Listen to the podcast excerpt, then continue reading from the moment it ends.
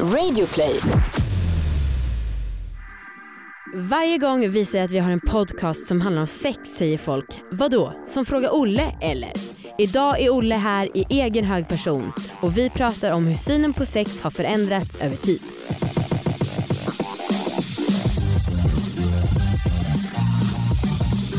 Hej allihopa och välkomna ska ni vara till succépodden Alla våra ligg. Tjena! Morskors. Det här är en podd om sex, sexualitet och om att äga sina val. Jag heter Amanda. Och jag heter Anna. Mm. Tjena Amanda. Hej. Får jag, Förlåt jag är så ivrig. Ja. Får jag berätta en sak som hände häromdagen? Ja, jag tänkte faktiskt precis fråga Anna, kan inte du berätta något för det står Marcus Buttplug på stolpmanus. Ja okej, det är kanske ja, lite överdrivet. Okej. Ehm, jag och Marcus hade sex Mhm.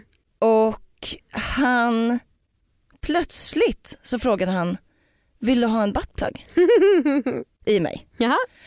Och jag blev så chockad. För så här, visst nu har jag testat att onanera med buttplug trots att jag har varit liksom rädd och Ja. slash emot det i så många år. Eh, och det var ju härligt. Eh, men jag var inte alls beredd på att Marcus skulle föreslå det. Nej, jag förstår det. Så jag blev jättenervös, Mm. skrattade hysteriskt. Mm. och sen så bara nej, nej, nej, nej, nej, nej, nej, nej. Jag är fortfarande inte riktigt redo. Ja, vad synd. Jag, jag kan tänka mig att han skulle vilja vara med om det eftersom att han föreslog det så. Ja, men grejen är att han har liksom aldrig varit intresserad av analsex överhuvudtaget. Eh, så det är ju någonting som växt fram och det är ju kul. Eh, men jag vet inte, jag känner mig också väldigt eh, mm, lite rädd mm. faktiskt mm. Mm. för hela den idén. Mm. Och det, var, det är ju inte buttplug i honom då. Nej, Nej. precis. Inte än. Nej, där är fortfarande liksom förbjudet område. Mm. Mm. Men jag har fått liksom eh, lov att röra lite vid hans rumpa nu på senaste. Alltså, Ja. grattis. Jag närmar mig sakta men säkert. eh, det är så himla kul för vi sitter ju här med våran framtid kan man säga. Ja. För alltid när vi säger att vi gör en podd som handlar om sex och folk bara, aha som fråga Olle. Ah, Och idag så, har vi med oss honom? Jag måste bara säga att dels så har jag, har jag varit nervös också inför att träffa Olle Mm. för att jag hade ju min första kåta upplevelse Ja. till Fråga Olle. Alltså jag, kom, jag kommer så väl ihåg att jag satte på, jag hade liksom tv på mitt flickrum hemma och satte jag på Fråga Olle och liksom, det räckte med att de sa ordet sex så blev jag direkt kåt. så det känns jättehäftigt ja. att ha med Olle här idag. ja men det är ju en, eh, vad ska man säga, ett kulturarv kanske. En ikon. Ja. Ja. Eh, fråga Olle, Olle Waller, välkommen hit. Tack så mycket. Kul. Härligt, vilken presentation. Ja visst. Och det där var ju kul att höra att man kan ha bidragit på något sätt indirekt Ja. till, till eh, denna våthet. Ja. ja men det var, Fråga Olle var verkligen runkmaterial när jag var Ja, liten. ja, vad kul. Vad Ja. Ja. Nej, men så det, jag har många kära minnen. Ja, men precis, för oss så är det ju något man har växt upp med. Ja. Just det. Eh, verkligen kul, en är ju eh, faktiskt 20 år sedan vi började spela in programmen. Mm. Eh, de här första. Och sen 2003 kom de eh, så kallade Fråga Olle-dokumentärerna som sen ändrade karaktär väldigt mycket. För de första vi gjorde där, de var eh, kanske lite seriösare skulle jag vilja påstå. Jag vet att flera av de här programmen användes bland annat i, i utbildning av arbetsterapeuter när det handlade om eh, sex och funktionshinder och sådana saker. Ah. Ja, jag Det- det hängde blev- inte alls med på dokumentärerna. Nej, just det. Nej, vi hade ju Jag var med för i programmet. programmen, studieprogrammen. Ja. Ja. Ja, ja. Väldigt eh, häftigt. Hur började det liksom? Det var faktiskt, eh, jag var med i en massa med program på 90-talet där eh, i alla, alla möjliga, ett bland som hette Fråga Helen.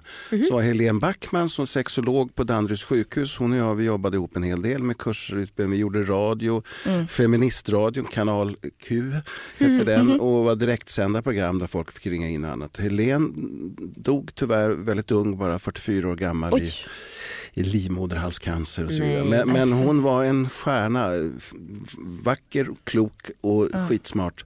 Och jag var med som manlig sparringpartner ska jag säga, i, i stort sett alla program. Och det var direktsända program fredagskvällar som började klockan 11 och det var riktigt galet stolligt. Folk ringde in den ena eh, eh, knäppisen, eller också roliga typer för sig. Så, Ja. så det fanns ju bara två stycken som satt i en sluss och sen var det bara rakt ut i rutan. Ah, shit. Men eh, det där försvann sen. Sen eh, var jag med och så var det, men det var från uh, René Nyberg och Estelle Milborn som hade ett litet produktionsbolag, Kajak, inom, Ah. inom uh, Jarowski-produktionen. De började, jag var med i det här programmet och då var Martin med, Martin Björk. Ja. Just det. Och så tyckte de att vi funkar bra ihop och så sa de, ska vi inte göra ett program som vi kallar Fråga Olle?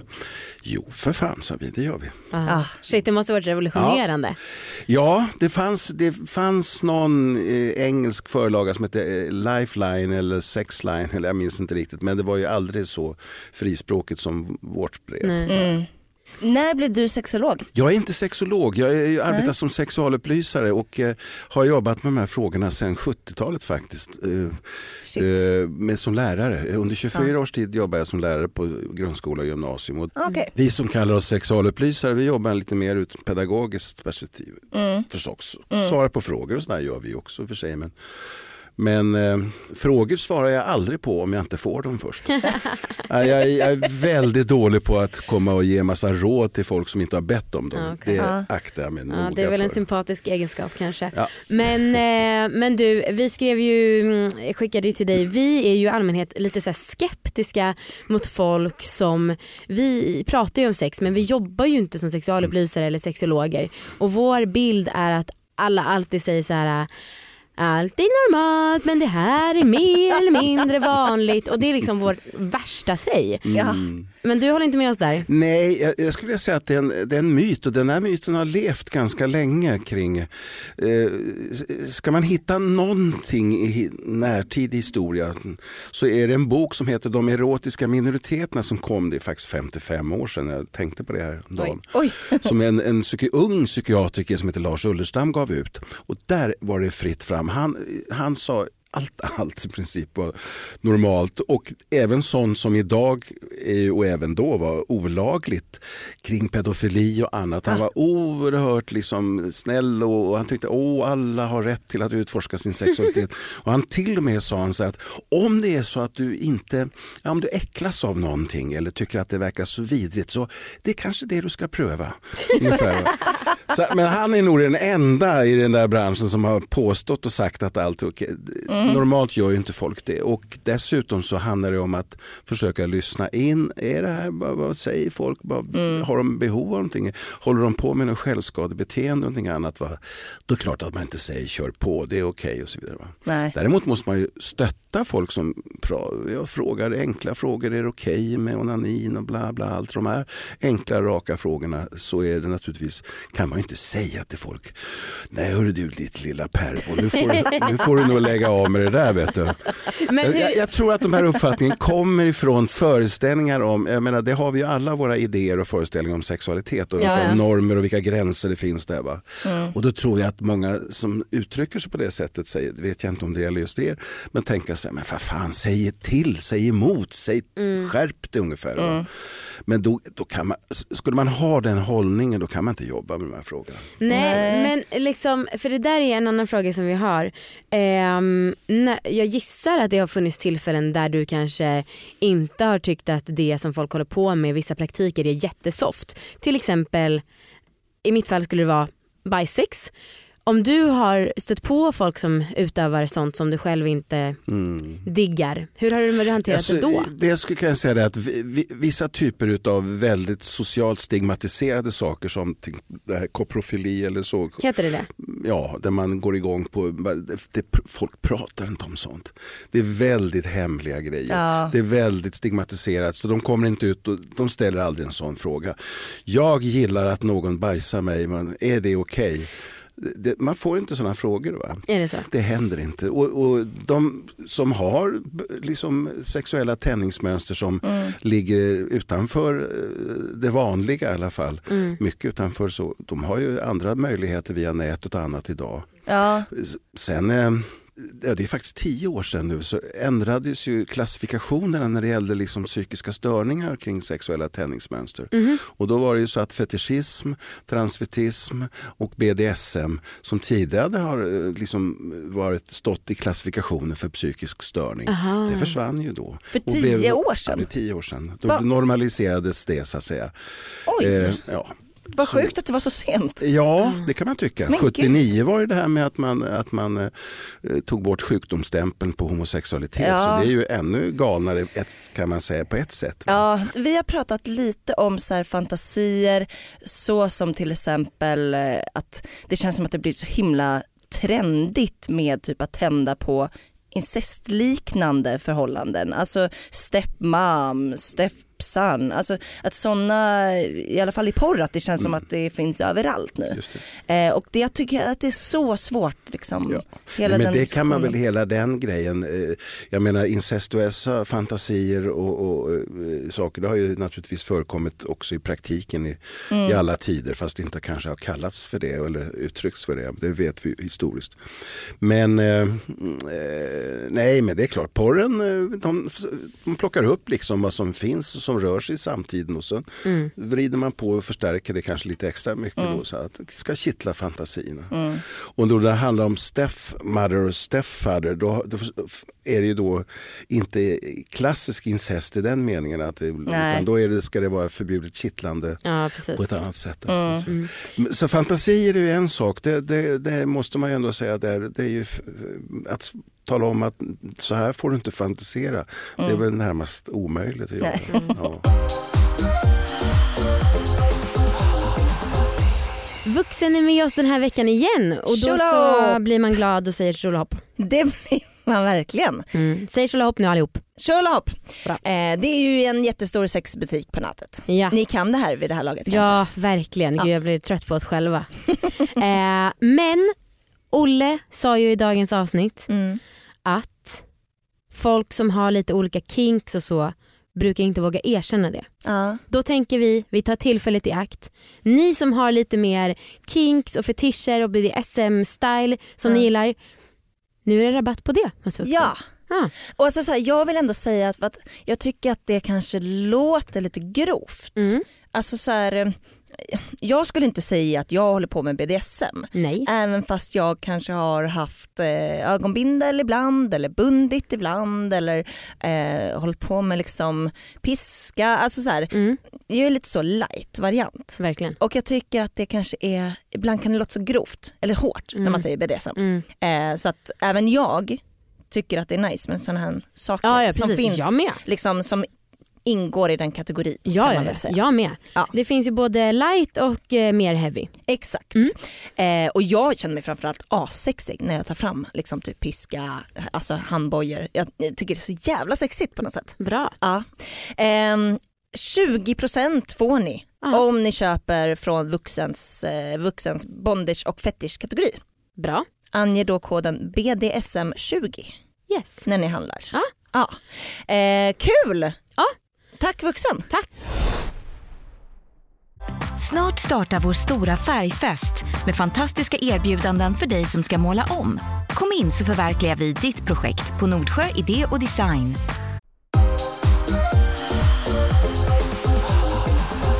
Men sen fråga Olle-tiden. Mm. Vill, har det funnits, alltså det är klart det finns säkert må- många, men eh, vilka frågor har varit liksom aktuella och som känns fortfarande lika aktuella idag? Ja, jag ska säga, precis när vi började 99, året efter där så var det den stora analpanikdiskussionen. eh, det var väldigt mycket, Sveriges Radio gjorde program där kring hur, att, och då var ju eh, tesen den att flickor kommer till ungdomsmottagningarna med skadade eh, ändtarmsöppningar eller Ah. med svingsterskador och så vidare. Va? För att de hade tvingats till att, och så var idén var så här, pojkar tittar på porr och sen tjatar de på sina flickvänner att de ska ställa upp analsex. Och det var, dels var det, var det faktiskt rent fel. Och en god vän till mig blev nästan förföljd av journalister för när han som sa det där stämmer inte. Vi har, det finns inga sådana bevis, det finns inga sådana journalanteckningar på att det här skulle ha skett. Alltså, och sen och har jag- Är det då själva tjatet man menar som inte har skett? Eller Nej, nej är? men skadorna på ändtarms för att man har haft analsex. De skador som, som man hade bevis för i journalanteckningar det var ju förlossningsskador i, i alla fall. Just när det gäller I analen också? ändtarmen, Ja. Mm. Så att det var myter kring det där och, och panikkänslor kring det. Det var en typ, det var en trend då som, och då hade jag frågespalter b- på, lite, på lite olika ställen förutom Fråga Olle-programmen. Och jag fick kanske fem, sex frågor om dagen om analsex. Nej. Sen bara försvann Och vad var de frågorna? Ja, då handlade mycket, är det okej, kan man göra? Så så. Ja. Sen ändrades frågeställningarna kring hur gör man när man vill göra det? Och eh, eh, det gavs ut en liten broschyr som heter Praktika för analsex som en god vän till mig skrev och som fortfarande uppdateras och skrivs och där, liksom, experter kollade på det. Va? Så här, om jag vill testa då gör jag så här. Ja. Sen blev det en annan total förvirring kring det. Då hela vem gör vad med vem? Du pratade om buttplug-grejen Ja. efteråt va? Så var ju föreställningen att det, det var någonting som killar ville göra med sina tjejer. Ja. Eh, och då penetrera. Ja. Och sen var det här med buttplug och, och, och leksaker och så vidare. Va? Men, men det är naturligtvis så att det, det finns ingenting hos killar som säger att det skulle vara något sorts homosexuellt att vilja få eh, ändtarmsöppningen pillad eller få föremål upp där eller så vidare. Och, Jag tycker ändå att det snackas fortfarande väldigt mycket om det som Nej, men att eh, killar är rädda för det. Jo, för att det, jo, bara skulle vara finns- lite gay. Ja, Ja, det, ja just det. Och, det. och det är ju totalt eh, fel naturligtvis. såklart. Det är, inte, för det är inte så att den praktiken när män som har sex med män, det är inte särskilt vanligt i Norden här kan jag säga att de har pa- anal penetration. Mm. Och, och där brukar jag, när jag föreläste ute för killgrupper och så, där, så brukar Mhm. jag säga det att ja men om ni vill testa det här så gör det. Men Skaffa någon liten buttplug eller några lite större grejer. Och Ja. Vid flera tillfällen har jag haft med mig ett helt batteri av olika saker. Mhm. Och så när jag sagt det, ja men för det var en kille på en skola som en gång ställde frågan anonymt på en lapp. Hej Olle, kan du ge mig tips hur jag kan plundra min flickväns anus? det var ju rätt kul formulerat så. Va? Och det här var, jag kan säga att det var i Gävle, det var liksom en stor sal, eh, aula och så sa det, bullade jag upp de här grejerna och så sa jo men om du vill testa så gör det, testa. Men lägg det kanske på rygg eller på sidan eller vad som helst och sen dra upp benen och sen för du in en apparat, rikta liksom eh, spetsen mot magen så att det kommer in. Och, och då ser jag plötsligt hur de här killarna eh, går upp för dem att jag menar att de ska testa på sig själva. Ja. Och då skapas det en oro och då sa jag, och förlåt så jag, men eh, jag menar, jag har full förståelse om ni inte vill göra det här så gör inte det. Nej. Men är det så att ni tänker att det här är nog lite läskigt, det här kanske kommer att göra ont, det känns ofräscht, en tarm men ändå bajs och alla möjliga sådana här aspekter. Ja men då kan ni ju inte be någon annan. Nej. Så, och det funkar väl bra. Alltså, det handlar om ömsesidigheten Ja. och samtycket här. Snarare än om handlingen i sig. Mm. Vi brukar när vi kör lite livepoddar och Mm. sånt i, ja, runt om Sverige så brukar vi fråga eh, killarna i publiken, är ofta väldigt få killar, Mm. eh, men vi brukar fråga dem så här, är det någon som har testat att smaka sin egen sperma? Och det är så jävla få. Alltså det, Som vågar erkänna i alla fall. ja ja, som vågar erkänna Jo det. men också tycker, och det här säger någonting om om manlig sexualitet, eller Ja. för heterosex sexuell manlig sexualitet ska jag säga. Att synen på sig själv, sina egna kroppsvätskor och annars, vad, vad, vad kommer det ifrån? Jag tycker det, det är väldigt sorgligt. Jag brukar själv kunna ställa en sån fråga, eller, eller jag uppmanar dem helt enkelt. Kan de väl göra det.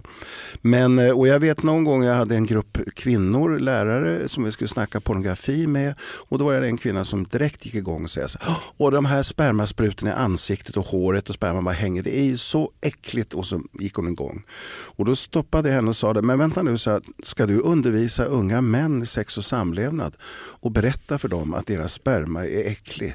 Ja. Och det blev en väldigt animerad, hetsig diskussion efter det ska jag säga. Men jag tror hon fick en tankeställare. Och Ja. Det är ju helt bakvänt förstås. Mm.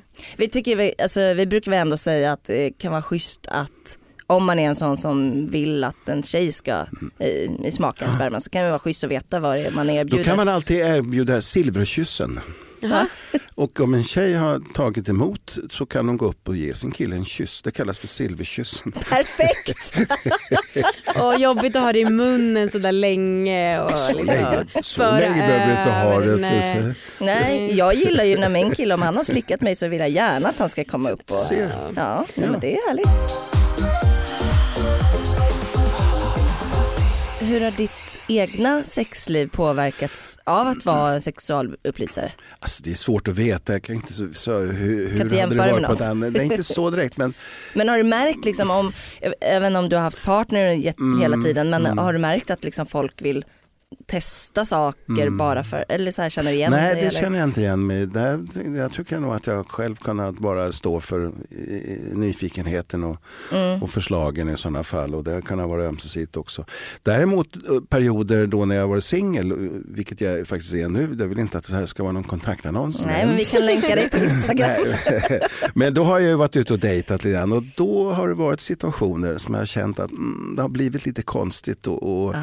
vid någon tillfälle någon kvinna som jag hade eh, snackade med så där så hon började direkt tala om vad hon inte ville att jag skulle göra med henne och jag hade, hade inte ens funderat på om jag ens ville ha något sex med henne. Det, liksom, det var inte där ännu. Va? Nej. Och det, det skulle väl kanske inte en vanlig kontaktsituation ha sett Nej. ut utan det var väl för att jag var jag och att jag jobbar med frågorna. Det har vi tänkt ganska mycket på så här, om vi skulle vara singlar. Mm. För att, då, ja, att det skulle kanske finnas förväntningar på oss vad man skulle göra också. Ja, Typ så här, gud. men du har gjort det här med Marcus, varför vill du inte göra det med mig? Alltså. Ja, men det är så, ni är stick to you guys. Ja, ja, ja för fan. För, och, och så där, för det där eh, vet jag då under alla de här åren, så en mycket god vän till mig som jobbar med sexualupplysningsfrågor och skriver mycket med de här frågorna. Han sa det är väldigt bra att du är ihop med, då var jag ihop med en kvinna som heter Kajsa. Och det blir ofta så referenser rakt in i, i rutan lite då och då. Mm. Kajsa, det här stämmer inte. Eller skojade med det Ja, där förstås. Och, och det vet jag att Erik då, som han heter, han sa det, att det är jäkligt bra att du har en, hade du inte haft en relation Mm. när du spelade in de här programmet så skulle det ha varit svårare. Ja, gud. Och det var några som, vi föreläste för ett gäng nior eh, för några veckor sedan.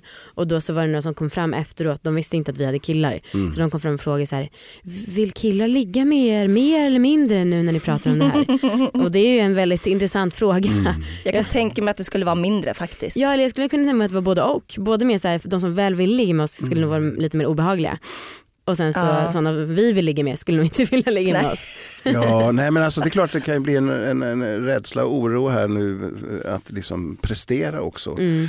Hetero Ja det får de fan göra. Heterokillar är, är ju, eh, menar jag, väldigt i den meningen utsatta för en föreställningar om vad killar borde göra, hur länge de ska hålla ut, att de som ska iscensätta sexualiteten, ta initiativen och göra så. Mm. Och det där känner ju, det trycket känner heterokillar vill jag påstå starkt. Och skapar också svårigheter, rädslor, rädslan att förlora ståndet, rädslan för det som i början verkade jäkligt bra och trevligt och sen så övergår i någonting annat. Så ja, det är en problematik. Innan vi började spela in så pratade vi lite om eh, diskussionen om porr och att det finns många som hävdar att eh, det är bra att titta på porr för då så får man utlopp för vissa fantasier där. Och vissa menar att det är jättedåligt för då så blir man inspirerad och behöver mer grova saker i verkligheten. Vad är din take på det? Ja, jag för att det finns ingenting rent vetenskapligt som talar för att det är på det ena eller andra sättet. Pornografin är ju gigantiskt stor och alla dessa genrer. Men diskussionen kring pornografi skulle jag vilja påstå, den kretsar alltid kring hetero mainstream-porren. Eh, och att det alltid är då man, kvinna. Va? Eh, jag hör sällan några upprörda eller konstiga diskussioner eller eh, där folk tycker så mycket om den till exempel väldigt stora grupp eh, för lesbisk porr idag som framförallt produceras i Australien. Eh, Girls Way Out West eller någonting sånt där tror jag att man kan söka på. Och det är tjejer som gillar tjejer som har sex med tjejer. Och det är inte för den manliga blicken. För det har man ju haft tjejsexscener under många år och, och liksom för att män ska triggas och sen kommer Karl Allan in liksom eh, en bit in och tar över. Men så det, det finns nästan inte den typen av porr längre. Då kallas det för threesome, alltså då är det två män och en kvinna eller två kvinnor och en man. Ofta är det två män och en kvinna som har sex med varandra. Eh, sen finns det ju enorma, och där menar jag att pornografin kan vara rebellisk. Uppför. Var någon annanstans kan man se människor som är äldre, tjocka, smala, skrynkliga och har sex. Det är bara porren som visar som Var någon annanstans ser man just eh, håriga eh, kroppar och annat som då, när, som, i sexuella sammanhang. Ja, det är bara porren som visar sådana bilder. Det finns inte, ser inte någon annanstans i Fast samhället. ser man folk ha sex överlag förutom i porr? Eh, nej, men man kan ju ha erotisk konst, man kan ha Ja. liksom fina tillrättalagda saker. Nej, nej, men jag menar att den eh, Grammys och annat, va, den är liksom uppkäftig och så vidare. Va? Uh, åter till den grejen att, eh, att man blir för påverkad av det i verkligheten. Att det blir mer våldsamt sex som är då så att säga skadligt. Eh, Håller Nej, det, finns ju, ja, nej, men det finns ju ingenting eh, vetenskapligt som kan visa detta. Sen kan det väl säkert Mm. förekomma. Men jag menar då är det väl, det, jag kan säga att porren skulle väl kallas för motsvarigheten till drogen. Och det sitter ju i personen då när man trillar dit. För det finns ju en och annan som verkligen trillar dit och som tar sig in i såna här mm, runkbås på någon porrklubb och inte kommer därifrån. Utan, men idag kan man ju se allt på nätet också som ägnar timmar och kanske timmar varje dag till det. Och då eh, menar jag nog att då handlar det om andra saker. Det handlar inte i sig om pornografin och pornografins bilder. Att det sen skulle påverka till att man skulle, för det var, en diskussion för unga killar sitter i grupp och tittar på gangbang-filmer så går de ut och gruppvåldtar. Alltså det finns finns inga sådana bevisliga samband. Det är såna idéer som kommer upp och så säger man det för att det låter bra och man vill vara upprörd. Det vore väl bättre om man diskuterade estetiken. Jag menar, det finns så mycket sexistisk och kränkande pornografi direkt generellt sett. Det finns kopplingar till, till eh, trafficking och övergrepp. Ja, Det finns så mycket skit naturligtvis runt omkring detta med pornografin. Men att det skulle påverka liksom, handlingar, typ nu tittar jag på djurporr. Så sätter jag in en annons som säger 100 djurporrtidningar bytes mot tillgiven labradortik. Nej, men, menar, alltså, det, det, finns inga sådana samband. Det, det är mest liksom eh, upprörda stämmor. Och, och jag menar att folk har väl full rätt att tycka att det är skit med pornografin. Att, att ha åsikter om att det fjärmar oss från närhet och ömhet och tillit. och Att det är en flykt från verkligheten. You name it. Man kan ha alla möjliga sådana åsikter. Men att påstå att det, är en, att det leder till Mm. sådana här beteenden, ja, det går inte att säga. nej. men och, eh, frågan så här om trender inom porr, alltså typ Ja men typ som vi pratar om att eh, raka sig eller att man, nu ska man ha analsex. Vi har pratat lite, jag och Amanda, vi har pratat lite om så här, vad är hönan och ägget i det liksom. Blir man inspirerad av porr och därför gör man det. Eh, eller liksom är det för att folk gör det som porr liksom porrindustrin väljer att spegla det. Alltså vad, Jo, nej, jag skulle vilja flagga för att det idag inte ens finns någon riktig porrindustri. Det görs inte, I Sverige görs det inga porrfilmer överhuvudtaget. Va? Det görs ju scener som man klipper ihop till långa olika sammanhang. Men att man lägger något krut på att ha något manus och lite grann så det, det förekommer inte. Jag vet ju hon, eh, vad heter hon, Puma, Puma Sweden. Sweden. ja. Hon, har ju, eh, hon jobbar ju med porr i USA väldigt mycket. Hon har sagt att nej, men det, det görs inte nå- även ens där. Va? Så man får försörja sig på andra sätt. Hon har ju strippat och sålt sexiga underkläder på nätet och annat och så vidare. Va? Nu, Ja. nu verkar hon gå in i en annan bransch. Hon vill ju själv jobba med det här professionellt. hon sagt. Mm. Och det är ju så mycket som är alltså, gratis idag. Ja, det mesta går ju att hitta gratis Mm. i princip. Så att det, det är väl inga jättebusiness i den där världen. Och huruvida Ja, det är klart att om folk kollar och blir inspirerade och att man, hittar, man blir, får idéer, det kan det vara. Men de går ju i båda riktningarna, det får man inte glömma. Pornografin plockar ju upp företeelser i samtiden Mm. och skildrar det då i bild och sätter, sätter in det i ett sammanhang. Mm. Eh, och de här samverkar väl förstås. Ja. Att folk blir kåta. Alltså för frågan är vad är en påverkan? Att folk tittar på porr och kanske tittar tillsammans med en partner och blir kåta och, och går igång på det. Ja, det är väl en sorts påverkan. Men sen om den skulle påverka i betydelsen att mm, nu, har vi, nu är det det här som gäller bara. Mm, så vidare. Människor vi är mer komplexa än så. än att vi liksom, Ja, man hoppas det i alla fall. Men jag vet ju att det är många som inte håller med dig. absolut, Mm. men, men de har då, och det är åsikter de har då. Mm. Eh, och och jag, vad jag hävdar när jag säger det här det är att det finns inte, det går inte att bygga upp den typen av åsikter med något vetenskapligt underlag. Ja, men jag tror att det finns nog vissa som menar det också. Jo, men Mm. de eh, har fel. Ja, bra. Ja, men faktiskt, jag vill, då ska man försöka hitta de här sambanden då och så vidare. Va? Jag tror att de sexologer som vi har i Sverige, vi har ett antal väldigt duktiga eh, som jobbar, vi, har, vi behöver inte nämna några namn, men, men, men eh, alla de är, går på den linje som jag nu hävdar här, va? som har koll. Veckans sexläxa. Oj, oj vad försiktigt. Jätteförsiktig. Försiktigt, det har det varit den här veckan.